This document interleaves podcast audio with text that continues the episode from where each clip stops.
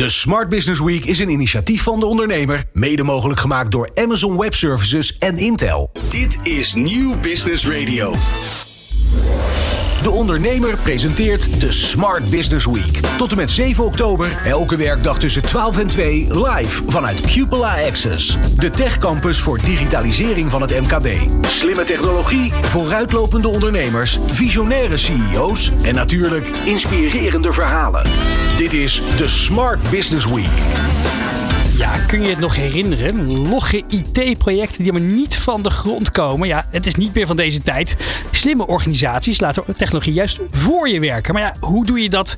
Wanneer maak je optimaal gebruik van de cloud? En hoe krijg je medewerkers mee in de digitale transformatie? Welkom bij deze eerste dag van de Smart Business Week. We gaan in gesprek met CEO's, ondernemers en tal van andere experts tijdens deze vijfdaagse radioshow van De Ondernemer. Mede mogelijk gemaakt door Amazon Web Services en Intel. Mijn naam is Remy Gieling en de hele week zit aan mijn zijde co-host Angelina Best van AWS. Ja, Welkom. Dankjewel, leuk om hier te zijn. Leuk om hier vandaag te staan. De aftrap. Eh, spannend? Ja, altijd een beetje. Ja, Snap. zeker op zo'n eerste dag. Ja, nou, ik merk het ook, eh, want we gaan vijf dagen lang, twee uur lang radio maken over digitalisering, over MKB, over de toekomst. Jij bent zelf eindverantwoordelijk voor commercie in de Benelux, de Baltics en de Nordics. Je komt net terug van een week in IJsland. Hoe Ja. was het daar? Fantastisch, fantastisch. Prachtig land. Ja. Wa- Wat kunnen we meekrijgen van IJsland? Oh ja, eh, nou prachtige gijzers, prachtige natuur. Elke hoek is weer anders. Dus eh, ja, een heel mooi land om te bekijken. Lijkt me prachtig. Ja, nee, je bent zelf al meer dan 15 jaar werkzaam bij technologiebedrijven. Wat Ja. fascineert je persoonlijk aan die branche? Nou, vooral eh, de dynamiek in de branche en de innovatie. En daarmee dus ook de impact die technologie maakt op de wereld. Dus op iedere sector, als het nou gaat over medicatieontwikkeling of gewoon in het bedrijfsleven. De impact vind ik heel interessant. Ja, we gaan het vandaag in het bijzonder hebben over de digitale transformatie, zeker bij het MKB. Ehm, we hebben tal van gasten en experts. Ja, hoe staat het ervoor met het eh, digitaliseren van het MKB? Nou ja, eh, dus het MKB is natuurlijk heel belangrijk hè, voor, eh, voor Nederland, maar eigenlijk voor heel Europa. Want ze zijn de hoeksteen en de motor van de economie. En digitalisering is heel belangrijk voor het MKB. Het is een van de grootste versnellers. En we zien dat in Nederland 85% van het MKB al bezig is met digitalisering. Dus dat is hartstikke goed. Maar we zien ook uit onderzoek dat twee derde toch nog wel wat belemmeringen ervaart in die digitale transformatie. Dus we zijn goed op weg, maar er is echt nog wel wat te doen. Nou, wil je praktische handvaten? Blijf dan dus kijken en luisteren de komende twee uur naar deze eerste aflevering van de Smart Business Week. Angelina, wat hoop je zelf nog te leren vandaag? Nou, ik vind vooral eh, zeg maar horen van, eh, van klanten zelf van waar lopen ze nou tegenaan, wat, wat ervaren zij als belemmering, zodat ik dat weer kan vertalen in praktische handvaten. Voordat ik onze tafelheer van dienst aan u voorstel, is het goed om te weten dat deze radio-uitzending dus niet alleen te beluisteren is op Nieuw Business Radio, maar ook te bekijken op deondernemer.nl. En de vaste kijkers het zijn opgevallen dat we niet in het op het Mediapark zitten, maar in, in een bijzondere omgeving, Cupola XS in Haarlem. Robert van der Ham van De Ondernemer staat op de vloer. Robert, waar zijn we beland deze week? Klopt Remy, we zijn in, eh, in Haarlem op een eh, werkelijk prachtige locatie in de voormalige koepelgevangenis. Hier dus in Haarlem, daterend uit 1901 maar liefst. Maar inmiddels geen koepelgevangenis meer, maar een prachtige tech-hub voor allerlei start-ups eh, die zich bezighouden met het MKB. Loop even een klein stukje mee om jullie alvast wat warm te maken. Voor degenen die niet meekijken via YouTube of de homepage van de ondernemer. Het is hier letterlijk een koepelgevangenis. Ik gaf al aan uit 1901 gedateerd, maar prachtig gerestaureerd. Met beneden op de begane grond inmiddels een bioscoop. Een aantal bioscoopzalen. En als je om je heen kijkt zie je vooral veel glas. Maar achter dat glas zitten allerlei hippe start-ups, techbedrijven vooral. Die hier de volgende stappen in het ondernemen aan het eh, zetten zijn. Kortom, een prachtlocatie hier in Haarlem, Remy, waar we de hele week zijn. Vijf dagen lang van 12 tot 2. Ja, dankjewel Robert. We komen straks bij je terug in het tweede uur van de Smart Business Week. Daar geef je een rondleiding door het pand heen. Uh, maar eerst aangeschoven aan de desk. Ja, als je ooit te maken hebt gehad met technologie en innovatie, dan kan je bijna niet om hem heen. Zijn cv is amper in de cloud te passen. Columnist, commentator, spreker, denker, oprichter van TEDx Amsterdam en de nationale AI-cursus. Maar bovenal een hele knuffelbare tech wizard. Ik heb het natuurlijk over Jim Stolzen. En dat wij elkaar dan in een gevangenis moeten ontmoeten. het, het, kon ook bijna niet anders. Zou ook het begin zijn van een hele slechte grap. Oeh, inderdaad. ja, nee. En een tech wizard ontmoeten elkaar in de gevangenis. Ja. Jim, ik heb je dus even een cv erbij gezocht. Mm. De lijst is lang. Maar radio-dj kon ik er zo snel niet tussen vinden. Hebben we toch nog een primeur anno 2022? DJ? Nee, dat ben ik nooit, nooit geweest. Ik heb wel een column gehad bij BNR, maar dat is ook lang geleden. Het was in het programma Marktveroveraars. Het ging toen over digitale marketing. Nou, goed om Zou je, niet verbazen. Toch alweer goed om op je oude honk terug te zijn. Ja, zeker. Ja, heerlijk. Ja, wat, um, hoe stel je jezelf meestal voor als je bij nieuwe groepen mensen komt? De kortste versie die heb ik geleend van mijn zoon. Ik heb twee puberzoons en de oudste die zei toen hij een keertje aan mij had gevraagd: Papa, wat doe je nou eigenlijk? Toen vatte hij het samen als: Oké, dus je bent een entrepreneur. Een entrepreneur. Oh, nou, ja. die ga ik onthouden. Ik ben inderdaad een grote nerd. Ik hou van technologie. En ik ben ook ondernemer. Ik bouw bedrijven met technologie die nog niet helemaal af is. Met businessmodellen die nog niet helemaal bewezen zijn. En dat is spannend, maar ook heel verslavend en leuk. Ja, je spreekt er ook veel over. Je schrijft er ook over. Uh, van de week nog in het FD te lezen. Ja. Gaan we het zo meteen nog over hebben. Uh, als je moest kiezen. Uh, spreken, schrijven of bouwen?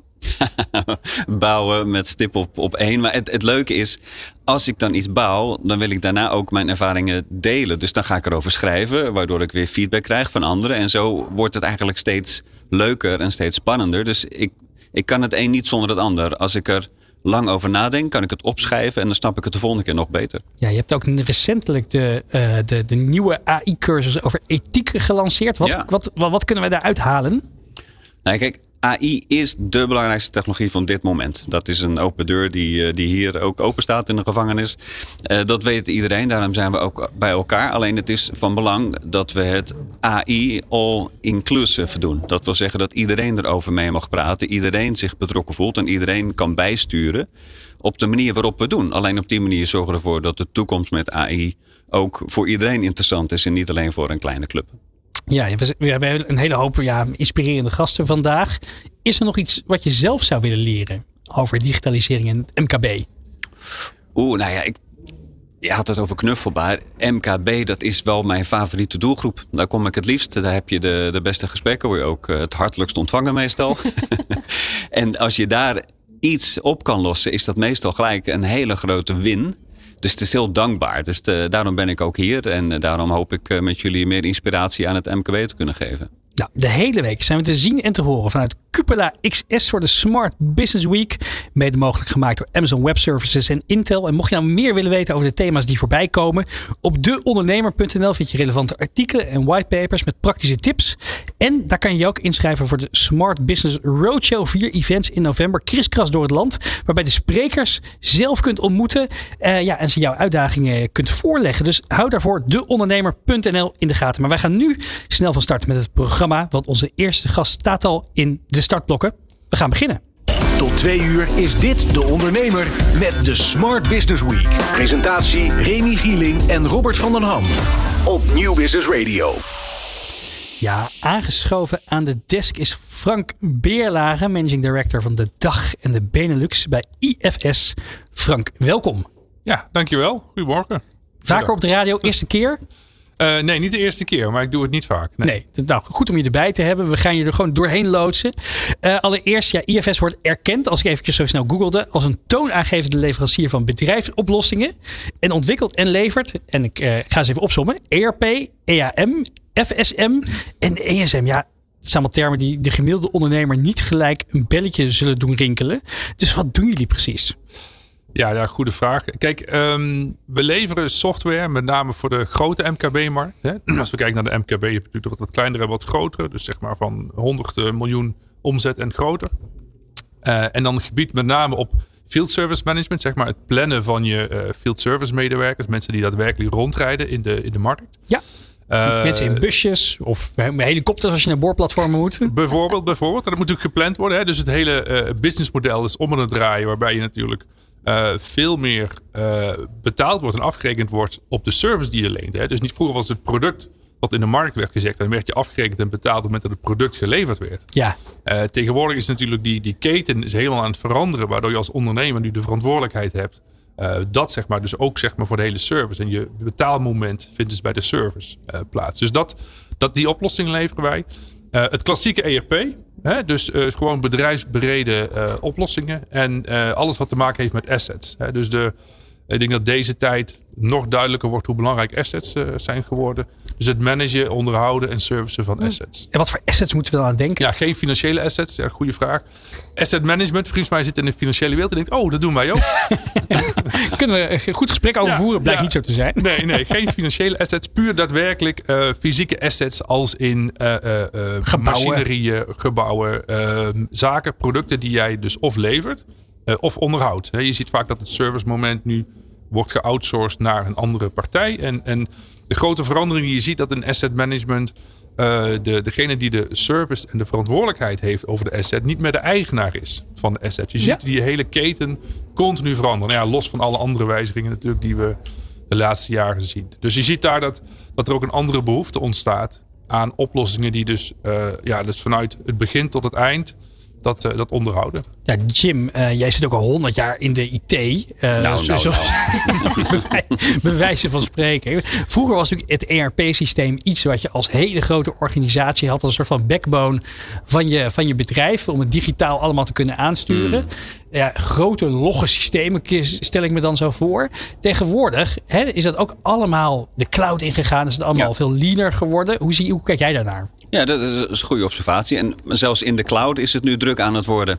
He, je hebt dus als MKB'er inderdaad, nou, mijn administratie heb ik bij Exact Online. Ik heb mijn, mijn CRM bij Salesforce. Mijn mensen werken in Microsoft. Ik heb nog sensordata bij AWS. Dus het is al, daar wordt het ook druk. Dus waar we echt behoefte aan hebben, ik noem dat digitaal loodgieterswerk, is het aan elkaar koppelen van die datastromen. Zodat je daadwerkelijk overzicht kan krijgen en als het goed is kan voorspellen en daarmee waarde kan creëren.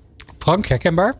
Ja, absoluut. Kijk, uh, ik denk dat die, die hele cloud ontwikkeling, hè, de, los van de technologie die ook gewoon uh, fantastisch is, heeft het ook voor ons een stuk makkelijker gemaakt. Er zijn een aantal zaken waar wij als softwarebedrijf eigenlijk niet meer over, druk over hoeven te maken. Dus de, de hele infrastructuur, de hosting, allerlei zaken waar je vroeger zelf over na moest denken.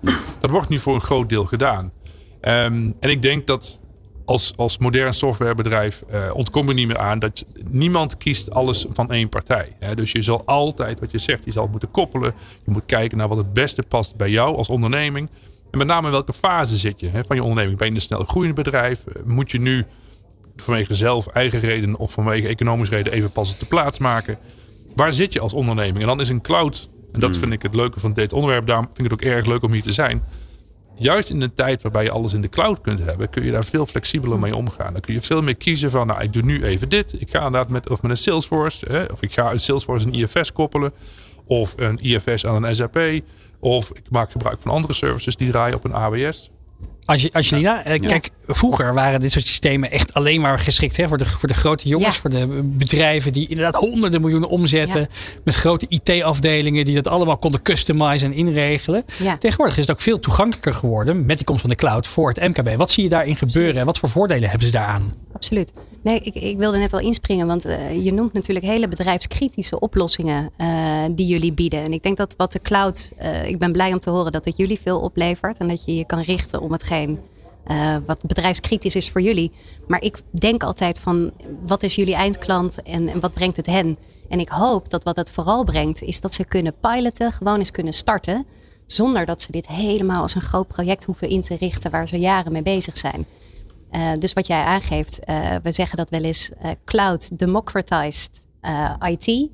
Waarbij eigenlijk alle, alle, innovatie die mogelijk is, die is nou, voor een MKB'er of een hele kleine start-up gewoon at their fingertips. En ze kunnen dat in een pay-per-use model uh, tot zich nemen. En ze kunnen het ook weer afschalen wanneer ze er geen behoefte meer aan hebben. Dus dat is een heel mooi model. Jim? Ja, mooi. Nou, het, het, het enables niet alleen uh, IT, het, het rescues ook uh, het hele bedrijf soms. Ik was laatst bij een installatiebureau. Die wilde kijken of ze hun werkzaamheden konden voorspellen. Want het was of heel druk in de kantine of er zat helemaal niemand. Dus wilde ik hun software zien. Ik zeg, wat gebruik je dan? Nou, dat was planning.xls. een Excel-formulier waar inderdaad keurig stond wie er werkte en waar ze naartoe gingen. Ik zeg, nou, geweldig.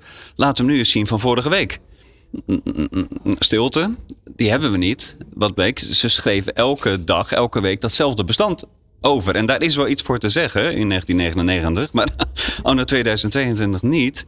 Dus ik ben toen naar de jongens van IT uh, gegaan. Ik zeg, jongens, dit is het probleem. Dus ze zeggen, oh, uh, volgens mij. En ja hoor, binnen een kwartier hadden ze een scriptje gemaakt, want ze maakten wel backups. Waarmee ze gewoon van drie jaar terug steeds planning.xls per dag naar beneden haalden. Op gestructureerde manier voor mij klaarzetten. En toen konden we een machine learning model gaan maken. Maar dat had niet gekund als er niet een slimmerd was die zei: We hebben nog iets in de cloud draaien. Ja, nou, dit, dit zie je natuurlijk ook terugkomen. Frank, wat denk jij daarover? Jullie werken zelf natuurlijk voor het, groter MKB, zei je zelf al. Wat zijn de lessen eh, in jouw ervaring van wat jullie leveren voor het brede MKB?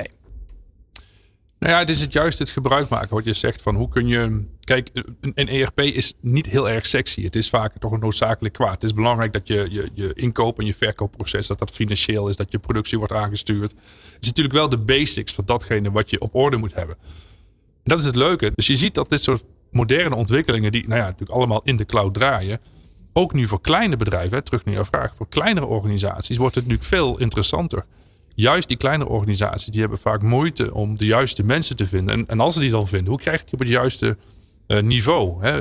Wel, het, is vaak, het is vaak heel specialistische kennis waarbij je in Nederland mee te maken krijgt. Het wordt hmm. steeds specialistischer, steeds moeilijker. Dus er zijn niet zo heel veel mensen in je organisatie die dat meer kunnen. Ja, en dan krijg je dus nieuwe technologieën ja, dat is natuurlijk wel echt fantastisch. En ook denk ik juist voor het MKB. Ik las laatst een artikel waarin je zei dat er de trends van, eh, van, van ondernemen en, en, en ja, bedrijven steeds meer richting, richting servitization gaan. Ja. Die moet je even uitleggen. Kijk, als je, als je kijkt waar de markt in zijn geheel naartoe gaat. Hè, en volgens mij zei ik dat al een klein beetje toen we begonnen. Hè, de, de, de producent produceerde vroeger en het moment dat dus de, hè, dus de, de business werd gemaakt, op het moment dat de aankoop werd gedaan, de aankoop werd gedaan, dus, en daarmee was zeg maar de verantwoordelijkheid voor het service lag eigenlijk bij de koper. Ja, dus het, wat, de financiële transactie had al plaatsgevonden. Was er dan iets een probleem, dan moet zeg maar dus de, uh, de koper gaat terug naar de producent, naar de verkoper en zegt: hé, hey, er is een probleem. En die is dan wel een verplichting om garantie of andere zaken te geven. Maar dat was het. Als je het hebt over servitization, dan is zeg maar die keten is volledig opgeschoven. Een, een, mooie klant van ons uh, in, in, Nederland die warmwatersystemen bouwt. Vroeger maakte die het warmwatersysteem en het product eindigde, of de, de service eindigde bij de verkoop. Nu is de service, ik, ver, uh, ik verwarm voor, nou dat was 100 euro, dat zal nu waarschijnlijk 200 euro zijn. um, jouw woning. Maar daarmee um, is dat voor de, voor de eindklant veel beter geworden. Dus de consument, die krijgt nu een service aangeboden. Maar als producent moet je in één keer nu zorgen: hey, wacht even, hoe koppel ik datgene wat ik al die tijd heb gedaan, dus het creëren van warmwatersystemen, hoe koppel ik dat nu aan mijn nieuwe verkoopmodel, zijnde uh, een servicemodel op maandelijkse basis? En natuurlijk moeten we ook nog geld verdienen, laten we dat niet vergeten. Nou, en dat is die servitization, waarbij je als, als MKB'er steeds meer uh, gedwongen wordt, maar ook de mogelijkheden hebt om een servicemodel aan te gaan bieden. Nou, we kennen het allemaal van telefoons, van auto's en dat soort zaken. Maar je zal zien, die trend gaat zich doorzetten. We mhm. gaan allemaal naar een service abonnementachtig model. Nou, en dat is, uh, dat is servitization. Jim, van bezit naar gebruik. Hoe zien we dat bij het MKB? Nou, het is een heel interessant verdienmodel. Want as a service, jij hebt dan namelijk de relatie met de klant. En dat is uiteindelijk natuurlijk waar het geld uit de portemonnee uh, vandaan gaat. Als jij dat niet hebt, dan word je op een gegeven moment kom je op nummer 2, nummer 3. En dan zak je steeds verder weg in je marge. Dus dat, nou, denk aan een bedrijf als, als Velux bijvoorbeeld. Die werkt normaal gesproken met installateurs, met bedrijven die dat voor hen doen. Die proberen steeds meer om toch te weten wie is dan degene die onze mooie shadings ophangt. Want wij willen met hem of haar in contact blijven voor de volgende aankoop. Dus dat is helemaal eens. Als je het as a service aan kan bieden, dan hou je die klant eigenlijk die hartslag hou je gaande. Mhm. Ja, en daaraan toevoegen. Ik geloof er heilig in dat je altijd moet blijven nadenken. Wat vindt mijn eindklant? Wat beweegt ze? En wat is voor hen het prettigst? En ik denk dat dit een heel fijn model is. En dan geloof ik ook dat je als bedrijf dat als uitgangspunt moet nemen. Om je op die basis te innoveren. Zodat je je klanten de beste ervaring kunt geven. Frank? Ja, eens. Ik, uh, mooie woorden. Kijk, het is precies wat je zegt. Op het moment dat je de, de, de relatie met je eindklant kwijtraakt, dan word je een, een commodity van datgene wat je was. En daarmee wordt je vervangbaarheid gewoon veel te groot. Ja. Dus, dus los van, vergeet even alle financiële metrics. Natuurlijk is dat heel belangrijk. Natuurlijk willen we, kunnen we meer marge maken. Hoe dichter we bij de eindklant zitten, hoe hoger de marges. Maar met name ook gewoon puur vanuit een risico-oogpunt. De vervangbaarheid als organisatie van jouw product. Ja, kijk, kijk naar een, een, een bankensysteem. We, zien, we hebben de afgelopen jaren fantastische frontends gezien in bankenwereld. Die nog steeds gebruik maken van die oude backend van een bank. Ja, dat, dat gaat niemand meer, meer bouwen. Dat is niet meer, niet meer interessant. En daarmee is die, die backend eigenlijk vervangbaar geworden. Maar e- even, even um, advocaat van de duivel. Want we hebben hier een heel eensgezind panel. Dat is op zich natuurlijk heel fijn dat we het allemaal met elkaar eens zijn. Maar toch eventjes uh, knuppel in het hoenderhok. En dan Jim, kijk even naar jou. Omdat je ook, je bent ook een beetje een contraire denker, weet ik. Um, het is allemaal heel mooi, die servitization. Hè? Dat, dat, uh, je gaat mm. van bezit naar gebruik. En je zorgt ervoor dat klanten een langdurige relatie met je aanhouden. Nou, komt er wellicht een, uh, een, kleine, een, een, een, kleine financiële tegenwind op ons af. Door allerlei crisissen die er in de wereld zijn. En dan heb je overal heb je langlopende contracten lopen. En ja, als je dat misschien even niet kan betalen, om wat voor reden dan ook. Uh, ja, dan ligt in één keer straks misschien wel je. je, je, je, je uh, kan, kan je niet meer op je bank zitten thuis. als je daar een abonnement op hebt. Of worden de luxeflex weggehaald. In het ja. geval van als, als je een Velux abonnement hebt afgesloten. Kan je natuurlijk ook op een zakelijk equivalent bedenken. Hoe kijk jij daarnaar? Ik denk dat het voor het MKB nog steeds een enorme kans is en een groeimarkt is. Als je dan kritisch wil kijken naar die as-a-service modellen, dan ja. moet je eerder gaan kijken naar de, naar de wat grotere uh, techpartijen die die as-a-service gebruiken om als een soort black box algoritmen en data in te zetten om dat soms tegen de consument uh, te gebruiken. Dus dat je niet helemaal in beeld hebt van ja, maar hoe komt nou die prijs eigenlijk tot stand? En dat ze zeggen ja, dat, uh, dat komt uit ons model. Mag ik dat model zien? Nee, dat mag je niet. Dus dat, dat zijn de dingen waar denk ik het MKB een streepje voor heeft. Die kan nog eens inderdaad een klant opbellen of, of langsgaan met een, met een kopje koffie om het nog eens uit te leggen. Dat kan je niet bij de, bij de grote techpartijen. Dus jij zegt ja, het is nog steeds gewoon een groot voordeel. Uh, en je hebt gewoon bepaalde systemen nodig. En uiteindelijk ben je gewoon nog steeds als ondernemer uh, voordeliger uit als je een cloud abonnement afsluit in veel gevallen dan als je uh, het, het, pakketten vooropgesteld al moet afnemen. Ja, nou leg je me heel veel woorden in de mond. Laat ik zo zeggen dat ik het met Angelina eens ben dat je altijd moet kijken naar die eindklant. Inderdaad, is dit in zijn of haar belang? En als dan as a service of zo'n servitization model daar van pas kan komen, ja, dan moet je het doen. En dan kan je het ook uitleggen. En dan kan je er als het goed is jarenlang de vruchten van plukken. Wat voor, wat voor as a service model heb je zelf eigenlijk? Um, ja, mijn boodschappen. boodschappen as a service. Ja, ja. Ah, klinkt wel lekker eigenlijk. Ja, zeker. Als je wil, dan kan je een keertje komen eten ook, want het is ook nog gezond. Nou, ja. daar gaan we je aan houden. Frank, nog eventjes terug. Um, uh, uh, je, je wil ook het moment of service centraal stellen, las ik ergens. Ja, dat is uh, in het verlengde van wat we het net over hebben. Kijk, op het moment dat wij willen graag als organisatie um, de service verlenen die, zeg maar, die zij als, als organisatie willen leveren naar hun klanten zijn we echt geïnteresseerd hoe vliegtuigen werken en andere zaken? Nee, het, het service moment komt omdat je op het juiste moment op de juiste plek landt, bij wijze ja. van spreken. En zo, zo kun je die, die parallel natuurlijk doortrekken naar zoveel uh, onderdelen. Als wij het hebben over moments of service, dan praten we over dat, dat wij willen graag onze klanten, hè, in dit geval dus de MKB, in, staat stellen om dat service uh, moment aan hun klanten aan te bieden. Nou, en, en, daar heb je natuurlijk oplossingen voor. Hè, dus IFS als software, als, als andere, als infrastructuur, draait in de cloud. En dat is wat we daarmee bedoelen met Moments of Service. Nou ben je ooit in een, uh, uh, in, een, in een andere rol, we zullen niet zeggen waar, uh, maar in 2019, dus niet eens zo heel gek lang geleden, Sales Director of the Year geworden in, van West-Europa. Dat, is ook, dat, is, dat, wow. dat is niet zomaar. Dus jij weet, ja, ik heb een ferme handdruk van, van Jim Stoltz nog steeds. Ehm, dus jij weet als geen ander hoe je dat producten aan de man of vrouw moet brengen.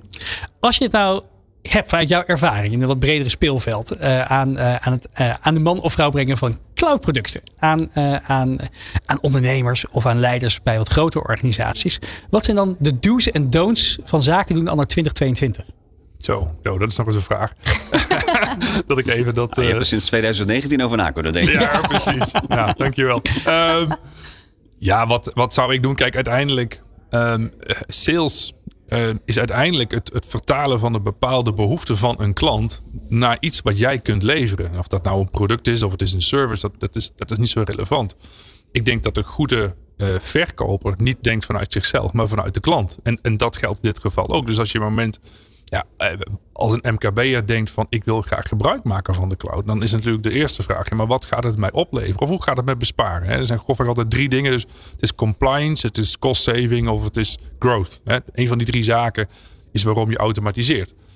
En dus uh, een goede verkoper en iemand bijvoorbeeld bij een AWS, die zal met de klant gaan praten en zeggen: hey, dat is interessant voor jou, want ik denk gezien jouw ontwikkelingen, gezien jouw groei, gezien de, de druk op de markt hè, momenteel, laten we eerlijk zijn, is het misschien wel een hele mooie manier om uh, kapitaal vrij te maken, uh, risico af te nemen en dat soort zaken. Maar nogmaals, nu zit ik op iemand anders. Ja, dat doe je hartstikke goed. Ja. Angelina? Ja hoor, ja, hij is aangenomen. Ja. ja. Toevoegingen? Ja, nee, hij noemt inderdaad een aantal dingen. Ik denk dat die schaalbaarheid, hè, dus het wegnemen van risico door, nou bij cloud kan je dat aan en uitzetten wanneer je wil. Ik denk een ander thema die ik ook vaak voorbij zie komen tegenwoordig is sustainability. Hoor jij daar ook uh, van ja, jouw klanten steeds absoluut, meer over? Absoluut. Kijk, de, we kunnen niet meer in deze tijd uh, uh, zonder sustainability. We, we, zijn daar heel actief mee bezig. Um, we hebben uh, Sustainability Awards uh, geïntroduceerd voor onze klanten. Waarmee we zeg maar klanten die daar echt heel erg mee bezig zijn. Ze hebben vorig jaar is Climate for Life. Hè, de Ito Daaldrop is winnaar geworden. Bedrijven die echt bezig zijn met zichzelf uh, ja, te, te, herontwikkelen op dat gebied. wij zijn er zelf bezig met al onze bedrijfspanden zijn we alleen maar op zo sustainable mogelijk aan het introduceren. Want we geloven wel dat we toch graag bij elkaar willen zitten. We willen ja. toch graag op kantoor zitten ja, dat sustainability is echt wel uh, is gewoon key. Ja, voor de rest uh, verderop in de uitzending in de tweede uur bellen we ook nog met Koninklijke Auping. Onder meer over duurzaamheid. Dat is natuurlijk een befaamde beddenfabrikant uit Deventer. Al sinds 1888. Die recentelijk het B Corp label hebben gekregen.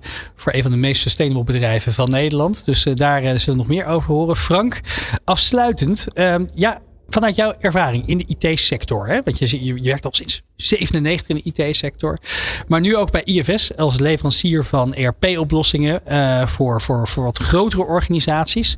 Wat moet je als ondernemer vandaag de dag doen om ja, die digitale transformatie ja, ook in je bedrijf mogelijk te, krijgen? Hoe kan, je, uh, hoe kan je het ook bij ja, al je medewerkers laten landen? Want je kan het wel top-down over ze heen kieperen. Maar uh, dat betekent niet per definitie dat, dat ze het ook gaan gebruiken en dat het beklijft. Nee, nee kijk, kijk, verandering is per definitie natuurlijk uh, lastig. Ja? En, en zeker als de verandering wordt opgelegd door externe factoren. Ik, ik denk dat het altijd geaccepteerd wordt op het moment dat de organisatie ziet dat, dat we meer kunnen in dezelfde keten. We zijn altijd allemaal onderdeel van een bepaald gedrag. Een bepaalde inkoop, verkoop, winstmarge en dat soort zaken. Op het moment dat je als organisatie kunt aantonen aan je medewerker dat dat de verandering die wordt ingezet uiteindelijk zorgt dat het kapitaal wordt vrijgemaakt, waardoor uh, misschien uh, leuker werk ontstaat. Uh, er staat meer flexibel werk. Dan over het algemeen komt die acceptatie wel. Dus ik, ik, mijn ervaring is niet dat dat het allermoeilijkste is. Als je maar gewoon die, als MKB'er gewoon die communicatie met je medewerker openhoudt en zegt: Dit is de reden waarom we het doen. En ja, dat zal betekenen dat een aantal zaken veranderen voor je. Maar kijk nou eens, er zijn ook heel veel voordelen die eraan zitten te komen. Dus ik zou zeggen, ga het gewoon doen. En uh, ja, misschien wel met ABS, ik weet het niet. Maar dat, uh, dat, dat mogen ze zelf bedenken. Nou, daar uh, horen we deze week nog veel meer over. Frank, dankjewel voor je komst vandaag. En voor wie meer wil weten over IFS en de mogelijkheden van de software, kijk op ifs.com. De Smart Business Week van de ondernemer. Slim en succesvol ondernemen door technologie. Laat je deze week elke werkdag tussen 12 en 2 inspireren op Nieuw Business Radio. Ja, dan gaan we door met onze gastheer deze week. Aangeschoven is Ruben Nieuwenhuis van Cupola XS. Ruben, wat fijn dat, je, dat we hier vandaag, uh, of deze hele week mogen zijn. Nou, van harte welkom. Ja, leg eens even uit voor de, de, de luisteraar uh, of de kijker die nu meekijkt. Die denkt, hé, hey, wat, wat, wat is dit? Waar zijn ja, een soort van beeldend uh, beschrijven. Ja, of, precies. Uh, sommigen zullen ook Zo'n luisterboek. Ja, dus we, we hebben dit genoemd een tech campus voor het digitaliseren van MKB. Het digitaliseren van ondernemingen. Hè? En um, wat je hier ziet is het samenkomen van talent. Het talent wat je kunt binden aan je MKB-onderneming, je digitale vraagstukken. Techpartners zoals AWS, uh, maar ook andere. Um, we hebben hier ook uh, bedrijven die uh, actief zijn als uh, noem maar dienstverlener rondom digitalisering, maar ook nog wat in een bredere zin. Um, lokale Haarlemse digitale bedrijven, bijvoorbeeld een uh, Endeavor. Um, en daarmee is het een samenkomst. En dan heb je op de begane grond um, ook een ontmoetingsplek. Waarbij we een game museum binnenkort gaan openen. En beneden heb je een bioscoop waar je nou ja, prachtige films hebben. Ook uh, de, de, noem het maar de, de, de nieuwere, moderne films ook wat meer cult. Dus het is een ontmoetingsplek en het is een tech campus. Ja, creativiteit, technologie, innovatie hoor ik hier samenkomen. Precies. Jim, wat viel jou op toen je hier vanochtend uh, binnenstruinde? nee, ik hoorde die games. We hebben met z'n tweeën al een beetje staan gamen daar. Ja. Je had zelfs outrun. Dus dat, er kwamen allerlei jeugdherinneringen. Boys will be boys. Boven. Ja, nou weet je, sommigen zeggen het is een cliché, het bruist. Maar hier is dat echt zo. Je ziet echt mensen op elkaar afstappen van verschillende verdiepingen. Dus die ontmoetingen die vinden plaats. En dat is juist hartstikke nodig. Dus gefeliciteerd en dank dat we hier mogen zijn. Sinds wanneer is het open, Ruben? Uh, januari dit jaar. Dus echt, uh, volgens mij was het 3 januari, de eerste maandag. En we zaten toen nog midden in COVID. Ja, dus dat was spannend. Um, nu is hier de, noem het maar, de, de luchtbehandeling dusdanig dat je nou ja, hier goed kunt zijn. Uh, COVID-proof, om het maar zo te zeggen. Maar wij hebben het eerste grote event, dat was een NFT-event, NFTX, waarbij we nou ja, theaterdirecteuren samen met uh, Web3 developers, uh, samen met uh, nou, bijvoorbeeld de, echt die culturele sector, techies kwamen samen. En zo'n 250 mensen in één event. We hadden nog anderhalve meter afstand. Maar dat was een van de eerste events. Dat was volgens mij eind februari. Um, ja, en we, vandaag hebben we de studenten, de eerste 100 studenten die, hè, van de Haarlem Campus die binnen zijn. Dus het, hoe lang zijn we open als je dat aan mij vraagt vanaf 1 januari hè, 2022? Uh, maar er gaat elke keer een stukje meer open om het echt die Tech Campus te laten zijn. Om in de geest van Jeff Bezos te spreken, every day is day one. Oké, okay, there you go. Die houden we vast. Angelina, uh, jij bent met AWS ook, ja. Ik heb hier een cel. Je hebt hier gewoon een cel. Leg, leg, leg het even uit. Dat, dat, moet je even uitleggen. Nou ja, sowieso leuk. Kijk, dus ik ben een Haarlemmer. Dus ik, eh, ja, ik vind het een fantastisch, iconisch gebouw. Dus toen ik hoorde wat hier ging gebeuren, toen dacht ik, nou, dat is mooi. Dat is MKB, digitalisering. Ik bel Ruben, want uh, hier uh, moeten we wat mee. En ik ben uh, ongelooflijk trots op wat het geworden is. En nou, Ruben, als ik je meteen een vraag mag stellen, want je, je, je, je vertelt net, we doen dit speciaal voor het MKB dat is uniek, heb ik begrepen. Hè? Want dit hebben we heel veel voor start-ups in Nederland of in de wereld. Maar is dit nou het eerste MKB Tech Center? Ja, ik zeg gewoon ja, want dat is het echt. En kijk, ik kom zelf uit die start-up en technologiewereld. En die vraag vier jaar geleden was: kun je helpen om dit een start-up hub te maken? En toen gingen we in gesprek met alle betrokkenen. En zeiden we, ja, dat niet nog eentje. Niet nog een start-up plek. Wel een technologieplek, maar we willen hè, uh, anders en uniek. En toen kwam daar op een gegeven moment de zin uit: laten we voor het MKB doen wat er voor startups overal al is. En dat hebben we eruit gepakt. Zeg, wacht even. Er was twee mensen die tegen elkaar aan het praten waren. Dit is wat we gaan doen. We gaan nu eindelijk eens een keer MKB helpen. Dus wat ons betreft is dit het middelpunt van digitaliseren MKB. Overigens, dan gaat het niet alleen naar het management toe, dus naar de leidinggevende of de, maar even de DGA's, maar ook uh, de mensen zelf. Digitale vaardigheden. Het gaat over de technologie adopteren. Um, ja, en AWS was een van de eerste partners. Ik denk dat jullie al, nou ja, nog voordat we uh, echt open gingen, zeiden van hé, hey, we willen samen um, dat MKB gaan helpen, gaan faciliteren. En zo zijn we gaan bouwen. Ja. ja. Jim, wat is het grote probleem als het gaat over digitalisering en het, uh, en het MKB? Ik had eerst nog een vraag voor, Ruben. Waar is meer uh, evangeliseren nodig? Bij het management of bij, bij de, de mensen, bij het talent? Ja, goede vraag. Um, ik heb toch de neiging om te zeggen beide. Dus als je kijkt naar de, het vraagstuk, volgens mij waar we voor staan, is één, welke taal ga je gebruiken? Dus hoe ga je het vertellen, zodat het ook binnenkomt bij de mensen en ook bij het management? Ik denk dat dat een uitdaging is. Twee, um, je moet uh, ook de, de, de tijd hebben als MKB'er of als MKB-bedrijf om die technologie te gaan begrijpen en te gaan toepassen.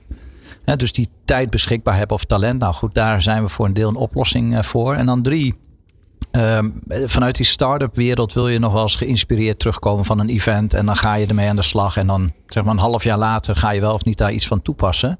Bij een MKB die wil gewoon weten wat levert het mij op. Wat is in omzet een, een verbetering? Wat is in kostenefficiëntie een, een, een, een bijdrage? Of hoe ga ik mijn productiviteit vergroten? En die hele praktische vertaalslag, volgens mij is dat de uitdaging. En dat is ook nog wel eens de, noem het maar de moeilijkheid. Jim? Ja, dat is dan een mooi, mooi uh, voorzet voor wat je aan mij vraagt. Wat is het grootste probleem? Want dat kan inderdaad zijn dat iemand van het management of een ondernemer... die komt met een heel gaaf idee. En dan gaat hij naar IT en IT zegt nee. En dat, dat is goed, want IT moet ook ervoor zorgen dat wat er vandaag draait, dat dat veilig en stabiel blijft draaien. Als iemand zegt, weet je wat, we doen een hackathon, zet alle poorten open, dan zegt IT nee. Dus wat voor mij de grootste uitdaging is, is om ook een IT zegt ja afdeling te creëren. Dus dan zeg je jongens, het is oké om een soort sandbox te creëren waarin we gaan experimenteren, terwijl de gewone going concern netjes blijft draaien. Want dat is jullie verantwoordelijkheid, snap ik. IT zegt nee, maar we gaan ook een IT zegt ja afdeling op eh, in het leven roepen. Angelina? Ja. Ja, Ja, heel goed. Heel goed. IT zegt ja, IT zegt ja. Nee, ik denk, eh, ik zou sowieso ja zeggen, omdat ik denk dat er hartstikke veel mogelijk is. En als je wil piloten, nou dan helpen we als AWS daar natuurlijk heel graag bij, omdat dat heel laagdrempelig is. Hè? Je, als het niet lukt, of als het niet opbrengt wat je hoopt, dan schaal je weer terug en dan betaal je daar niet voor. Eh, dus dat zou ik zeker aanmoedigen. Ik ervaar ook wel als ik met MKB praat ehm, dat ze een belemmering ondervinden in hun kennisniveau. Eh, dus niet alleen een IT zegt nee, maar IT ook eh, lastig. Ik weet het niet. Ik weet niet waar ik moet beginnen. En dat vind ik ook een van de mooie dingen die we als doel hebben eh, met Koepela XS. Om dat kennisniveau eh, van het MKB te verhogen. Ja, dus, dat, eh, dus daar doen wij heel veel samen, hè Ruben? Heb je een voorbeeld? Ja, klopt. Dat gaat, eh, vaak gaat het over events. Dus dat is content brengen. Ehm, dat is soms vanuit bijvoorbeeld de inhoud. Dus, eh, we hebben met de Formule 1 hebben we een event rondom data en, en snelheid. Eh, we hebben met bijvoorbeeld de meubelbranche laten zien eh, toepassingen waarin wordt aangetoond, maar hoe kun je dingen schaalbaar maken? Hoe kun je die kostenverlagingen realiseren? Dat zijn twee voorbeelden. we hebben een bijvoorbeeld een, eh, een event gehad met AWS rondom AI, kunstmatige intelligentie. En dan echt op CEO-niveau ehm, ja, bedrijven en organisaties of eh, eh, CEO's hier gehad. Om toe te lichten van hey, wat is die technologie? Wat kan het bijdragen? En hoe kun je dat ook procesmatig dan in je strategie een onderdeel maken.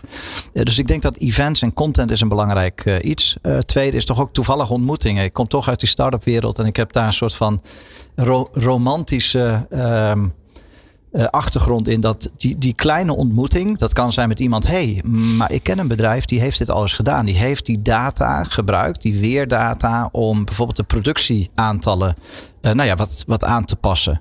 Oké, maar kun je me daarmee eh, verbinden? Of hey, ik heb hier een logistiek directeur die gebruik maakt van bepaalde technologie. Kun je, dus het gaat om cases beschikbaar stellen. Hè, het hoe dan.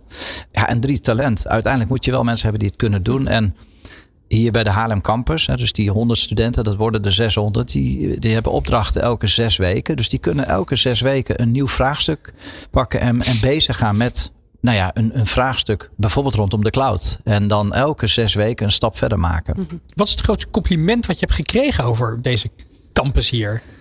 Ehm, ja, kijk, eh, allereerst komen mensen binnen en dan, dan is het een soort van wauw-ervaring. Ehm, en dan zeggen ze van, maar Ruben, je zult wel trots zijn. Eh, dat is een soort van, en dan, dan gaat het over het gebouw. En volgens mij, design is function. Ja, want even voor, inderdaad voor, de, voor, de, voor de luisteraars. Ja. Je komt inderdaad binnen. Je ziet een enorme koepel. Eh, eigenlijk is het de buitenste ring met alle cellen. Dat is in stand gebleven. En daarbinnen hebben jullie een soort van binnenring gemaakt. Allemaal glazen, Ja. eh, glazen kantoorruimtes, ontmoetingsplekken, vergaderzalen. Waar bedrijven gebruik van kunnen maken. Ja, dus ik, kijk, en, en wat ik eh, op een gegeven moment heb gezegd van ik wil eigenlijk nu nog geen complimenten krijgen. Ik wil eh, die complimenten over een jaar of twee, drie krijgen. En ik wil dat Haarlemmers ongelooflijk trots zijn op deze plek. Dat waren ze al op de koepel, maar echt op de plek zoals het is geworden. En twee, dat MKB'ers tegen elkaar gaan zeggen. Die en die verbetering, die en die kostenreductie of die en die omzetvergroting of markt ehm, heb ik voor een deel te danken aan de koepel. En dus ik denk de complimenten zijn nu nog te vroeg, omdat ehm, er is nog heel veel werk te doen. We zijn succesvol, maar er moet nog echt gebouwd worden om dit van iedereen te maken en het helemaal te begrijpen. Dat vraagstuk digitaal en MKB. Jim, toevallig ontmoetingen. Die zijn we natuurlijk helemaal kwijtgeraakt al in COVID-tijd. Je was alleen maar aan het zoomen met eh, toch die mensen die je toch al kende. Ja, een chatroulette. en dat Soms, dingen. soms, eh, soms, so- soms, te lang, soms langer dan je zou willen. Hoe, wat denk jij dat het MKB, ja, hoe, hoe zijn die hierbij gebaat? Hè, dat je Mm. toch inderdaad ook een beetje ja, mensen leert kennen buiten je eigen branche, buiten je eigen vakgebied. Nou, het is natuurlijk heel tof dat de ene logistiek directeur met de andere praat. En dat ze samen een idee krijgen. Maar dan vervolgens moet je naar de IT zegt ja eh, club toe. Dus het is ook fijn als die van elkaar eh, kunnen leren.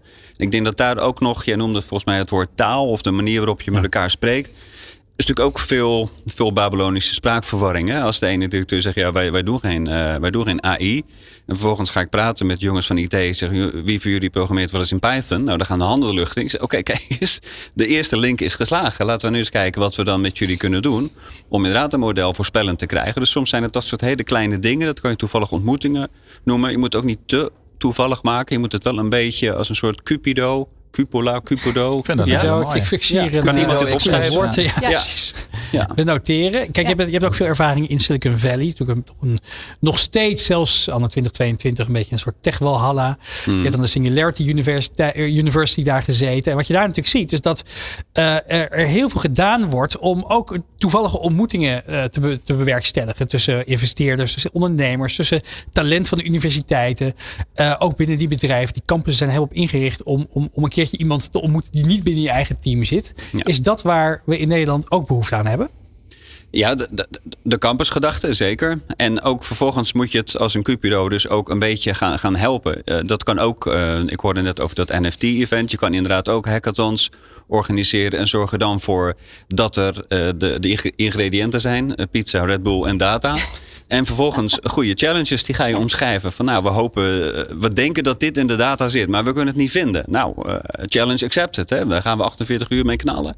Dat lijkt me hele goede dingen die we van Silicon Valley kunnen leren. Die ook wel her en der ziet in Nederland. Alleen we moeten het nog een beetje stimuleren, denk ik. Angelina, hoe ervaar jij dat hier? Ja, nee, ik herken wat je zegt. Ik denk dat we wel eens wat vaker gewoon mogen doen. Hmm. Gewoon een pilotje, gewoon starten, aanklooien en zien wat het brengt. En uh, ik denk dat in Amerika is dat heel gebruikelijk, hè, dat je ook uh, fouten mag maken.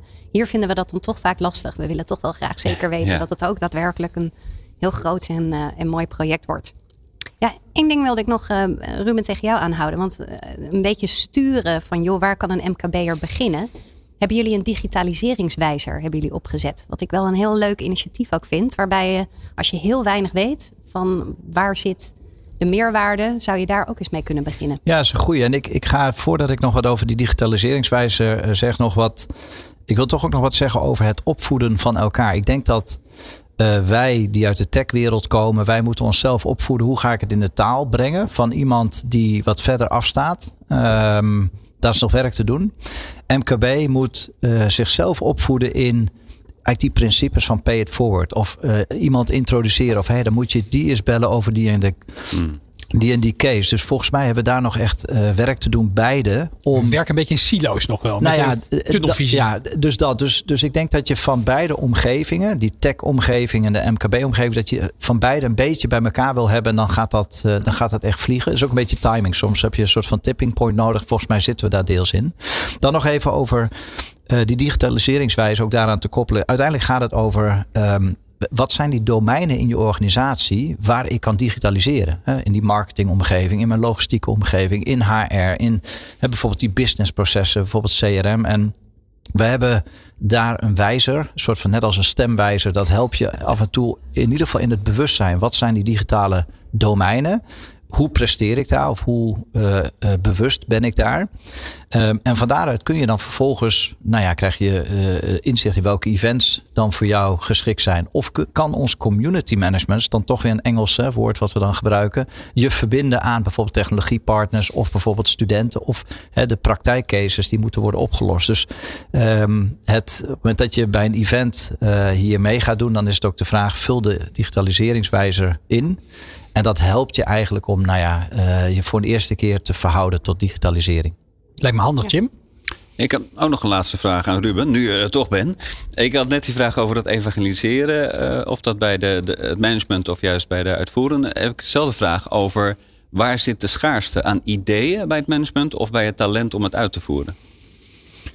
Kijk, nog even. Um, ik koop wat tijd. Hè. Je hebt je fast mind en slow mind. Dus even, uh, als je kijkt naar de, de, de medewerkers, gaat het over je digitale vaardigheden. Dus ik denk dat daar uh, medewerkers uh, hun verantwoordelijkheid moeten nemen om zichzelf nou ja, mee te nemen in de vaart der volkeren. Het is jouw carrière, upgrade jezelf. Exact. Hè? En dat gaat over upskillen. En dat kan door data gedreven werken, experimenteren. Nou ja, bijvoorbeeld technologieën gewoon snappen. Wat is blockchain, wat is AI? Omdat het gewoon waanzinnig interessant is. Um, kijken naar uh, wie daar het meeste huiswerk heeft te doen. Ik denk dat daar beide goed huiswerk te doen heeft. Want bij leiderschap is het ook maar hoe geef ik daar leiding in? Mhm.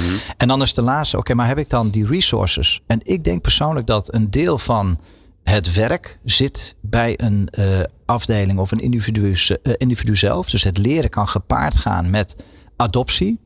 He, dus uh, van hey, ik ga nu leren in een bepaalde technologie. En dan wordt het doel om het te implementeren in mijn eigen omgeving. Dus dan heb je leren en implementeren zelf.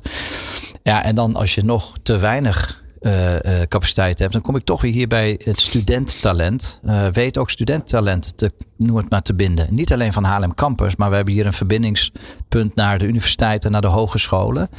En ja, IT'ers in opleiding staan te trappelen om mee te doen. Dus, dus cloud, noem het maar, IT'ers in space staan te trappelen om mee te doen met ondernemers. Dus het, ook dat argument is bijna niet meer, noem het maar, aanwezig.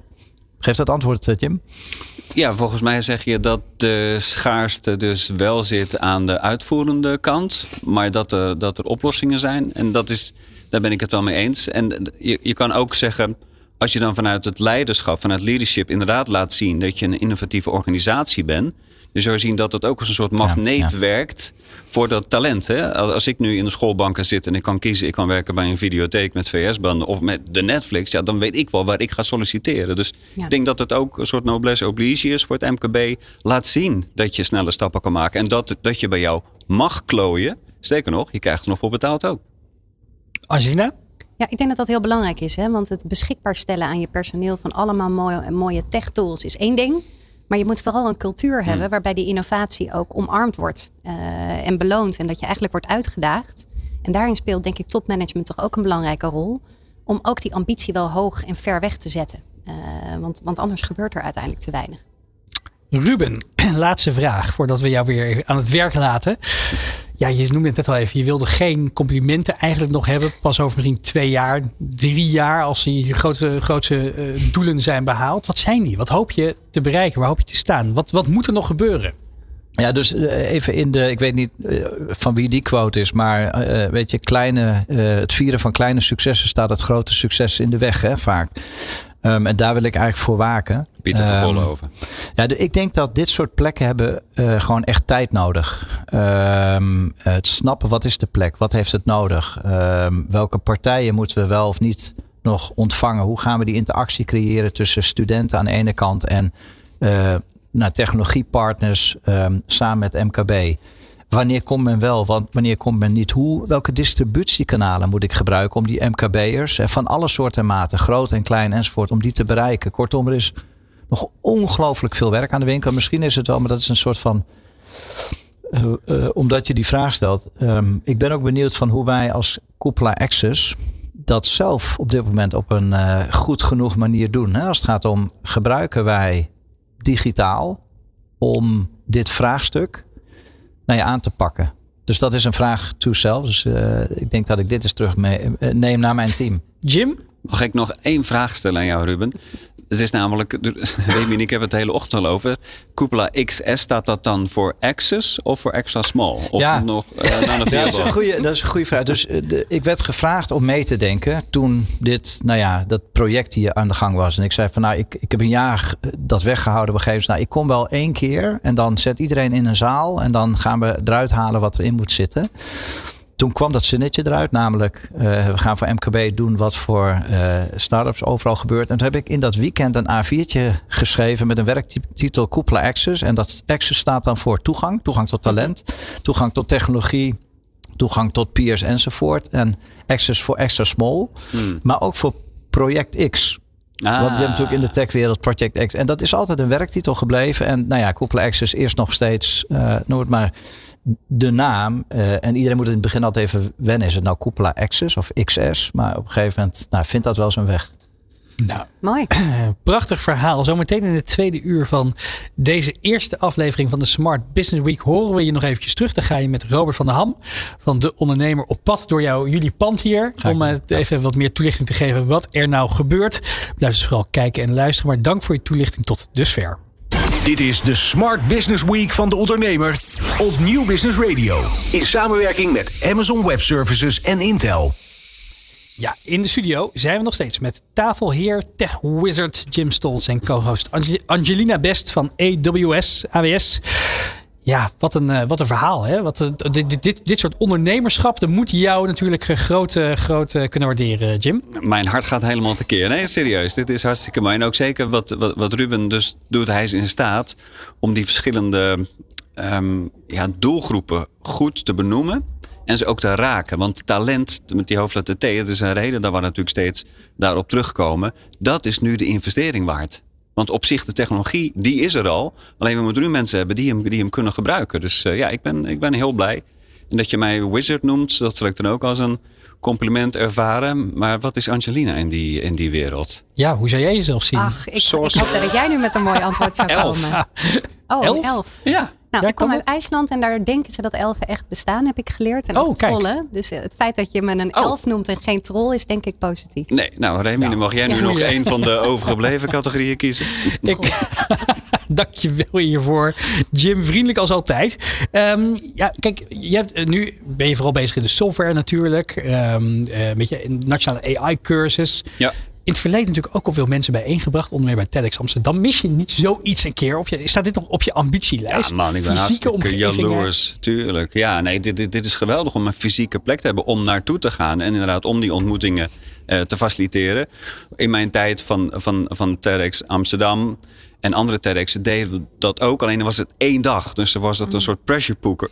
Poker? Nee, een pressure cooker.